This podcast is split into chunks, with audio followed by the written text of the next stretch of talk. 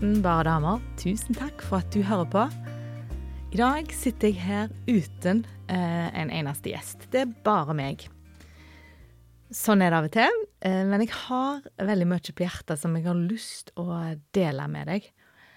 Noe av grunnen til at jeg har denne podkasten, er at jeg har så lyst til å være med og peke på Bibelen som ei spennende, bra bok. Og som er ei bok som gir eh, livsveiledning i livet mitt. Og jeg håper at det kan være til hjelp og inspirasjon for deg òg, at den boka kan være ei bok du har lyst til å lese mer i. Og jeg har lyst i dag å snakke om Esters bok. Det er jo ei bok i Gamle testamentet eh, om ei dame. Det er ikke en eventyrfortelling eller en, en såpeserie. En god såpeserie, faktisk. Ganske sånn eh, spennende, mange ting som skjer, som et dramastykke. Det er godt skrevet. Um, forfatteren er ukjente, da. Men det er en veldig spennende bok. Så det skal jeg ta for meg i dag. Jeg skal prøve å ta gjennom alle de ti kapitlene og det som skjer. Og litt bakgrunnshistorie og sånn. Så håper jeg at du syns det er spennende å høre på, selv om det bare er jeg som snakker, og jeg ikke har noen å eh, diskutere det med i dag. Kanskje jeg får det etter hvert. Men i alle fall. Boka om eh, dronning Ester i Gamle testamentet. Historisk så er dette plassert 100 år etter Israel har vært i eksil ifra landet sitt. Og handlingen i denne boka foregår i byen Susa. Susa det var hovedstaden i Perserriket. Og noen jøder hadde altså begynt å returnere til Israel og til Jerusalem, men ikke alle. Og her følger vi altså da en jødisk koloni i byen Susa. Og den byen lå 230 km øst for elva Tigris, i Kusestan-provinsen, i det som i dag er i Iran. Og det står altså at dette var i det tredje regjeringsåret til kong Serkses. Og Serkses var den regjerte, den kongen som regjerte i 127 provinser, eh, fra India til Kush. Og tidsmessig så var dette altså eh, ca. 470 år før Kristus. Eh, Esters bok er en tekst i den hebraiske bibelen, eh, og i jødisk tradisjon så er dette en av de fem rullene som leses i synagogen i forbindelse med spesielle jødiske helligdager. Jødene feirer noe som heter pur-im eh, på grunn av Esters bok. Jeg skal forklare det, forstår vi mer etter hvert. Men ordet pur betyr lodd, og Haman var en mann i historien som kasta lodd øh, og, om å Gjennom en lek om å kaste lodd, som la en plan om å få utrydda jødene, da. Så, og Purim er da altså en fest som jødene feirer. Eh, to dagers fest. Den 14. dagen i en bestemt måned hvert år. Og boka forteller altså om hvordan jødene i Persia ble redda fra en planlagt utryddelse. Esters bok og Høysangen er de to eneste bøkene i Bibelen, tror jeg, som verken nevner Gud eller Toran eller sånn. Og teksten har heller ingen form for eh, bønn eller andre jødiske skikker, med unntak av én ting, og det er faste. Og fordi at denne boka er har en ganske sekulær karakter, altså at han var ganske sånn verdslig. Det var jo Perserriket og deres måte å leve på som er på en måte det som er han i boka. På grunn av det så var det motstand eh, til å inkludere Esters bok både i de jødiske skriftene og i de kristne skriftene. Det syns jeg jo var litt interessant å vite. da. Jeg har googla og funnet litt ut av dette som bakgrunnsinformasjon. Um, men vi følger altså fire hovedpersoner. Det er fire karakterer som trer tydelig fram i denne historien. Det ene, han ene, det er jøden Mordekai. Det er en voksen eldre mann, eller eldre, vet vi står ikke om hvor gammel han er, men han har altså vært fosterfar uh, for Ester. Uh, det står at han er i slekt med han er søskenbarnet hans. Og så er det da altså Ester, som er den andre personen, karakteren, som uh, denne historien handler om. Uh, hun har da altså ikke foreldre, begge foreldrene hennes er døde, og hun er vokst opp sammen med Mordekai. Og de er begge jøder, og de bor altså i, i Susa. Og kongen, uh, han òg da bor i slottet i Susa, han var perser. Serkses. Han er omtalt i en god del historiske skrifter, så man vet at dette var på en måte historisk riktig, at han bodde der og var konge da. Og så er det den fjerde, siste personen, som, eller karakteren som på en måte spiller en viktig rolle her, det er Haman. Haman var da en av kongens mest betrodde rådgivere. Um, og selv om ikke Gud er nevnt en eneste gang i, denne, uh, i de ti kapitlene her, så ser vi likevel tydelig uh, Gud på en måte sin hensikt, eller Guds plan, i historien, tenker jeg. Men leseren er nødt til å tolke og lete sjøl etter det. Det syns jeg jo er spennende. Kapittel én starter altså med å beskrive kong Sørkses. Han er både rik og mektig, og det beskrives at han hadde en fest for å vise sin store herlighet og glans, og denne festen varte i ikke mindre enn 180 dager. De kunne feste på den tida. Så, når den festen var over, så hadde han en sjudagersfest for alle folkene, høy som lav, står det. Jeg tenker det var mer som en slags sikkert medarbeiderfest. For alle som hadde jobba intenst i de 180 dagene, de fikk nå liksom slippe løs eh, til fest for alle. Og dette var nok en veldig fuktig fest, tipper jeg, fordi det står at alle fikk bestemme sjøl hvor mye de ville drikke. Det er vel det vi i dag ville kalle for fribar, eller åpen bar, eller all inclusive, om du vil. Um, og Noe av det jeg syns er fint med Bibelen, er at det, den beskriver hendelser og mennesker som er gjenkjennbart gjennom alle tider. Vi tror liksom ofte at vi som lever nå, har forstått mer, og vi har jo utvikla oss, og at alt er så mye bedre nå. Men Bibelen viser liksom at det er en del ting som aldri endrer seg med menneskene vi er like, liksom.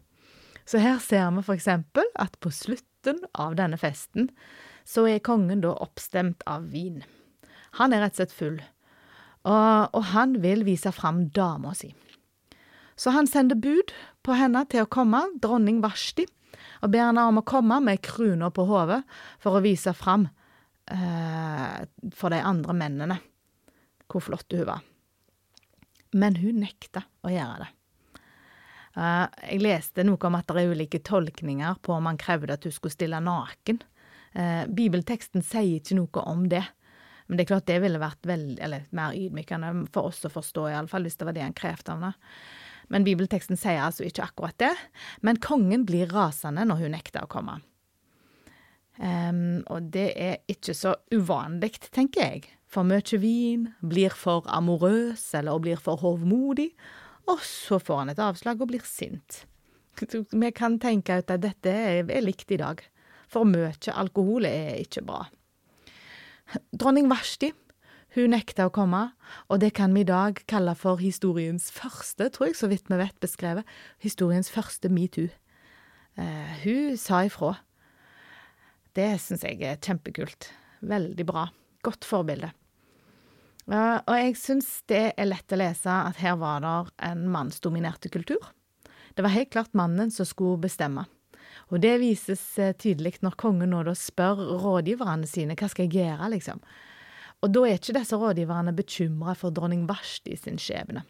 Men de er bekymra for sine egne kvinner hjemme, og de sier at nå kan jo alle kvinner i landet gjøre opprør mot mennene sine, sånn som dronning Vashti.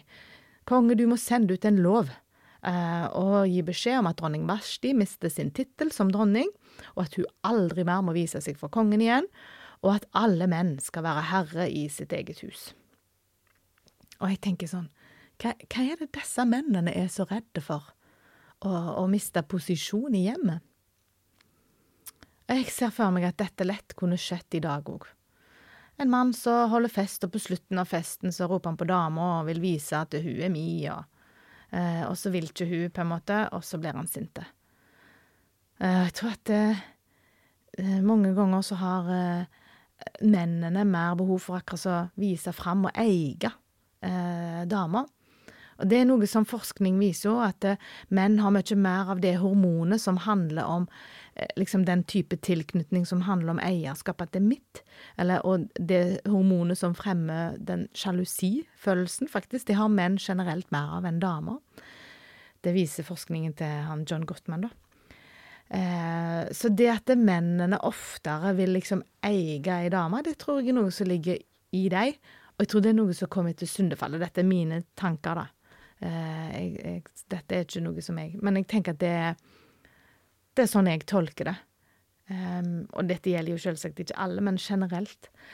Så jeg tenker at en mann som er etter Gud sitt hjerte, og som lar seg underordne av Gud, han vil aldri be kvinner om å stille seg fram på den måten som kongen gjør her, eh, mot dronning Vashti. Eh, og en mann som på en måte gjør tilnærmelser til ei dame, han vil tåle en avvisning hvis han er til Guds hjerte, hvis han ber kona si om å gjøre noe som hun syns er krenkende eller upassende. Da vil han tåle det avslaget, at hun sier nei, det vil jeg ikke gjøre. Og så vil han lytte til henne ta henne med på råd, og prøve å finne hvordan kan vi løse dette. Dette, dette er mine spekulasjoner, det må jeg understreke. Men det fins altså historiske eh, skriv uten, eller skrifter utenom Bibelen som beskriver kong Serkses som en mann med veldig sånn skiftende stil og skiftende humør og motsigende avgjørelser. Og denne historien passer jo inn i den beskrivelsen av kong Serkses, da. Eh, I kapittel nummer to så eh, bestemmer kongens menn at kongen skal arrangere en slags missekonkurranse med de fineste jomfruene i hele landet, og så kan kongen sjøl velge den han liker aller best til å bli dronning. Og her er det da vi møter Mordekai, som er jøde, og fosterfar til Hadassa, eller Ester, da, som det står, hun heter både Hadassa og Ester. Og det står at Ester var en velskapt, vakker ung kvinne, står det. Og Ester er altså ei av de damene som blir henta til slottet og får vare på slottet på et slags spa-opphold med ulike behandlinger av huden og med kremer og forskjellig. Eh, og Ester blir godt likt av han som skal passe på alle damene. Så han gir henne noen goder. Hun får en god plassering i, i rommet, liksom, i slottet, og hun får noen tjenestejenter og sånn som det. Ester forteller ikke til noen at hun er jøde og dette har han Mordekai anbefalt henne om å tie stilt om. Og så skulle liksom alle damene være der og få god behandling og pleie av huden og alt dette her, og så skulle ei og ei bli sendt inn til kongen hver sin gang. Og Ester blir kalt inn til kongen når det er hennes tur, og hun blir godt likt, og hun ender opp med faktisk å vinne hele denne missekonkurransen. Og kong Serkses gjør henne til dronning, og han holder fest for henne. Og jeg tenker, det å være vakker av utseende, det er en gave som Gud kan gi, øh, og som må forvaltes på en klok måte. Og mange jøder syns kanskje at mye av det som Mordekai og Ester er med på her, det er å tilpasse seg for mye en annen kultur, for jødene skulle jo holde på sin kultur og lov. Men disse her lever faktisk ganske verdslig.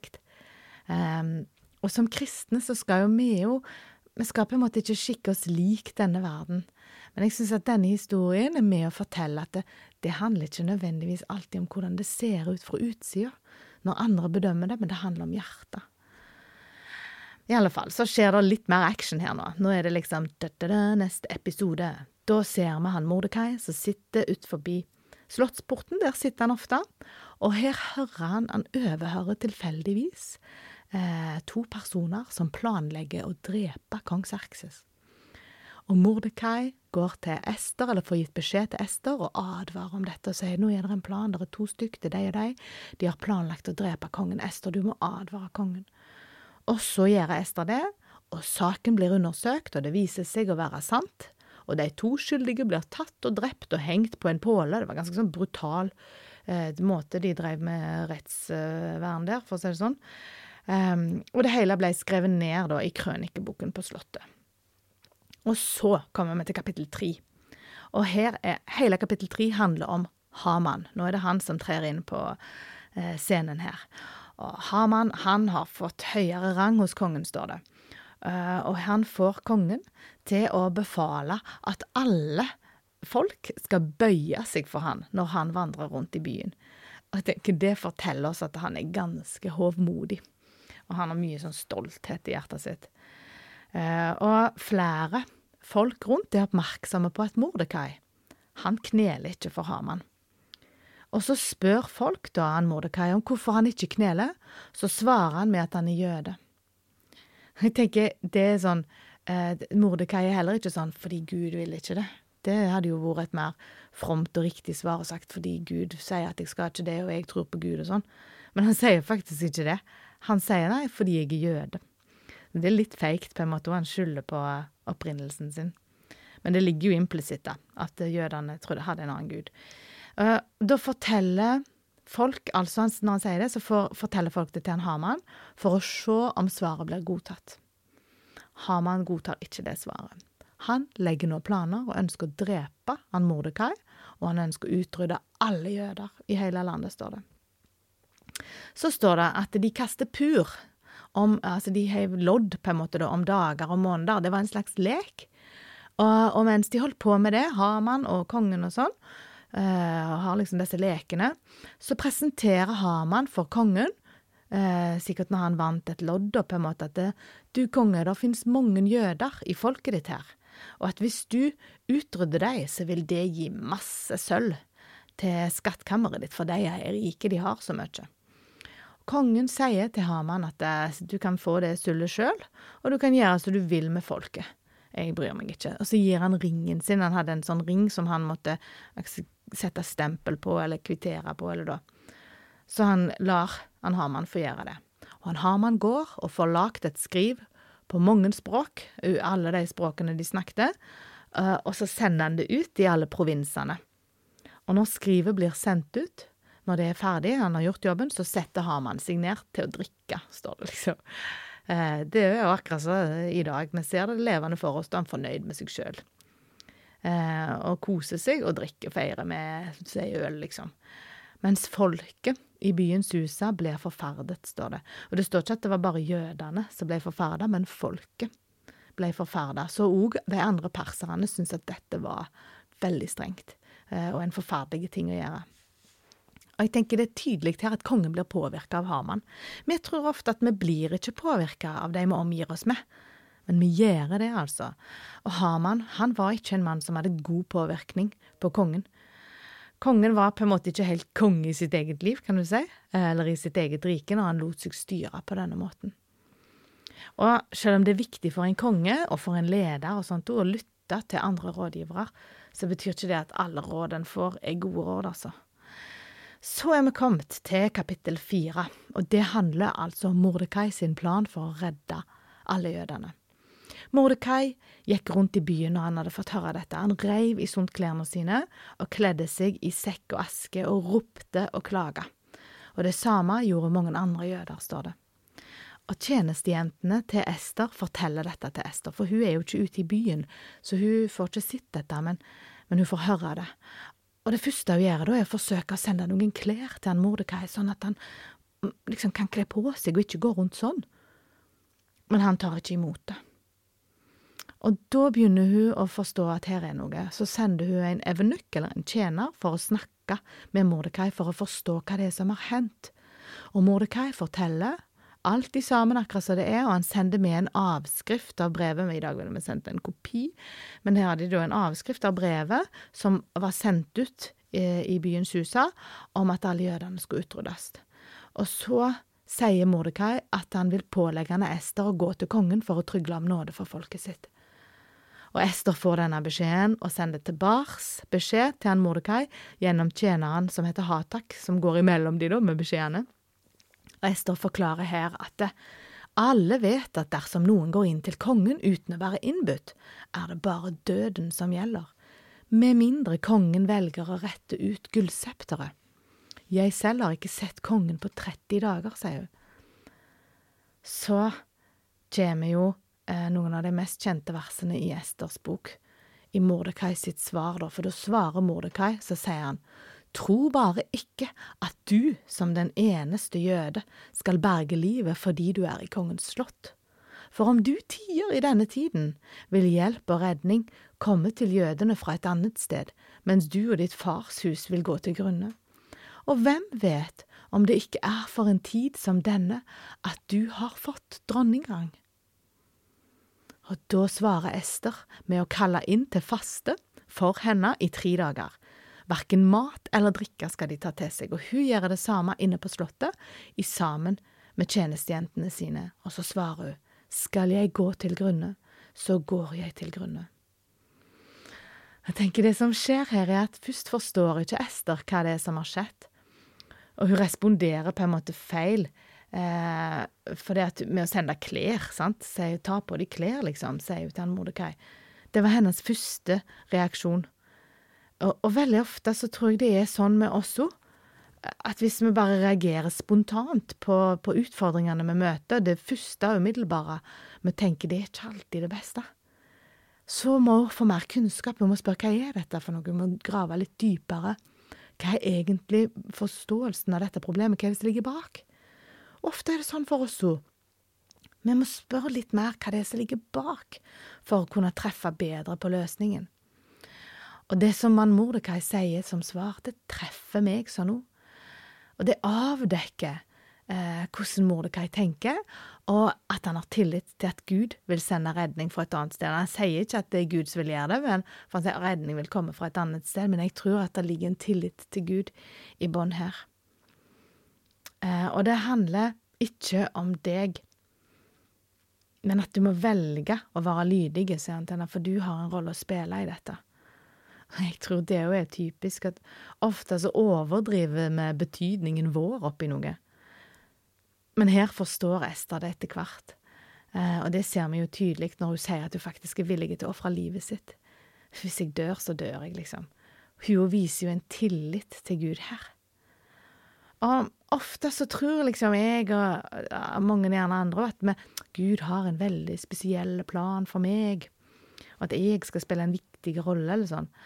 Og det syns jeg at kommer så tydelig fram her, at Guds plan var ikke først og fremst å gjøre dronning, eller liksom gjøre Ester til dronning, men Guds plan var jo å redde folket. Og oppi det så er en, en liten brikke av det er at du Ester er dronning, og at hun får en posisjon til å hjelpe. Så Gud har som regel en større plan, noe som han ser helheten i, som vi kan få lov å ta del i. Men vi har liksom en tendens til å tro at Guds plan handler om oss, Gud, hva er din plan for mitt liv, spør vi. Og vi spør og ber og ønsker å få svar. Men jeg tror at svaret ofte er veldig enkelt der, faktisk. Gud sier tru på meg og stol på meg og vær lydig mot meg og lev livet ditt sånn som du tror er klokt og bra. Så vil jeg bruke deg i min plan, i små og store ting når du er villig. Og Ester var villig. Men hun var faktisk ikke det med en gang. Hun hadde en Mordekai som utfordrende og som sa det rett til henne, ganske brutalt, egentlig. Å, jeg trenger en sånn Mordekai i livet mitt, som kan minne meg på om at hei, Synnøve, dette handler ikke om deg, faktisk. Eh, men nå kan det virke som om Gud spør deg om å gjøre noe. Eh, og så er spørsmålet er du villig, selv om det koster deg noe. Og her koster det jo ganske mye for Ester. Åh, så er det én ting til som jeg bare må si, som treffer meg sånn. Eh, og det ene er å dra det langt og overføre dette på denne måten, men jeg, jeg har lyst til å gjøre det likevel. Eh, for her sier liksom eh, Mordekai det er de ordene som han sier, som jeg syns er ganske sånn De treffer hardt, da. Han sier sånn Nå må ikke du tro at selv om du sitter i kongens slott, så sitter du så trygt, liksom. Eh, og så tenker jeg til meg, så er det Du, Synnøve, skal ikke tro at det, eh, at bare du kommer til å bli redda fordi at du sitter i rike, vakre Norge. Liksom, her har vi det trygt og godt. Å, så heldig du er, da trenger ikke du å ta det så alvorlig. Nei, vi har fått et oppdrag, Gud har kalt oss til å vitne om uh, og jeg har fått mulighet og posisjon. Uh, du har mulighet og posisjon til å for eksempel bruke stemmeretten din fordi vi bor i et demokrati. Du har muligheten til å påvirke de som er rundt deg, familien din, vennene dine. Du har fått tildelt tid og penger. Og hvordan forvalter vi det, liksom? Gud, Gud har gitt oss muligheter her. Og Ester svarer lydig. Hun faster faktisk i tre dager uten mat og drikke. Eh, og fasting, det tror jeg er en form for åndelig krigføring. Så kan jeg si, hvor lenge klarer du å gå uten mat?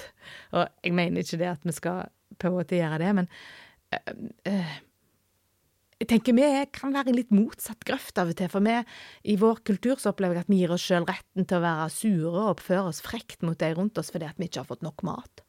Uh, og det er så lenge siden jeg har spist, da ble jeg så gretten, liksom. Uh, men her bruker de faktisk det å velge å være uten mat som en måte å ydmyke seg på. Eh, og samtidig bli styrka.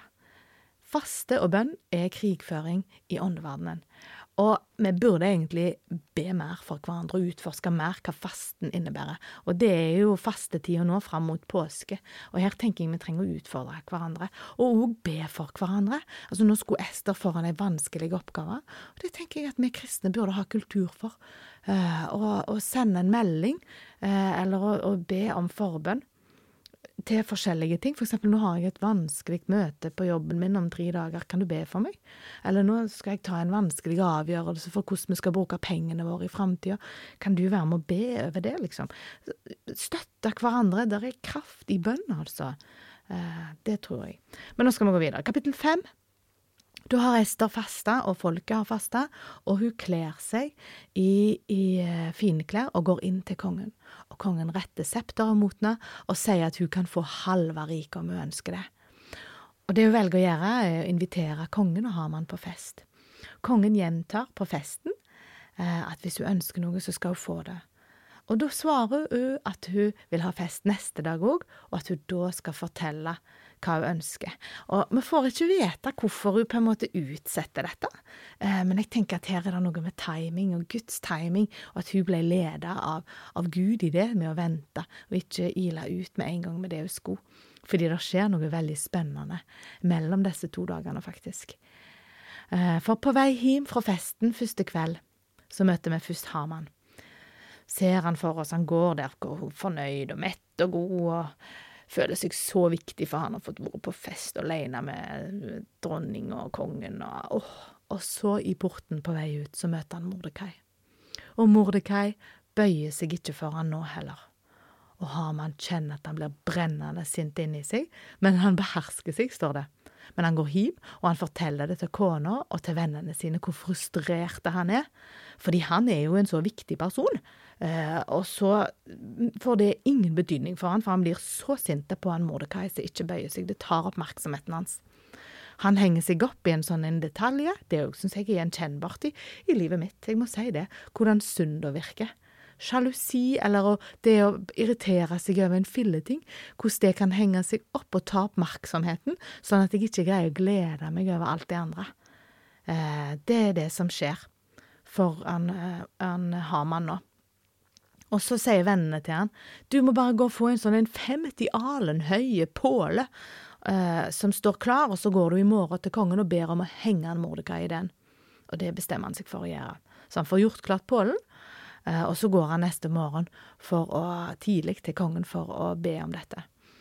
Men det som foregår hos kongen, den neste personen vi møter denne natta, mellom disse to festene, det er altså kongen. Og inne på kongens soverom så er det urolig, kongen får ikke sove. Eh, og det som han gjør da, er at han får noen av tjenerne sine til å lese fra krøniken. Og her blir det tilfeldigvis lest om Eh, det som skjedde når han Mordekai fikk varsla de to som, eh, om de to som ville drepe kongen, og fikk avverga dette.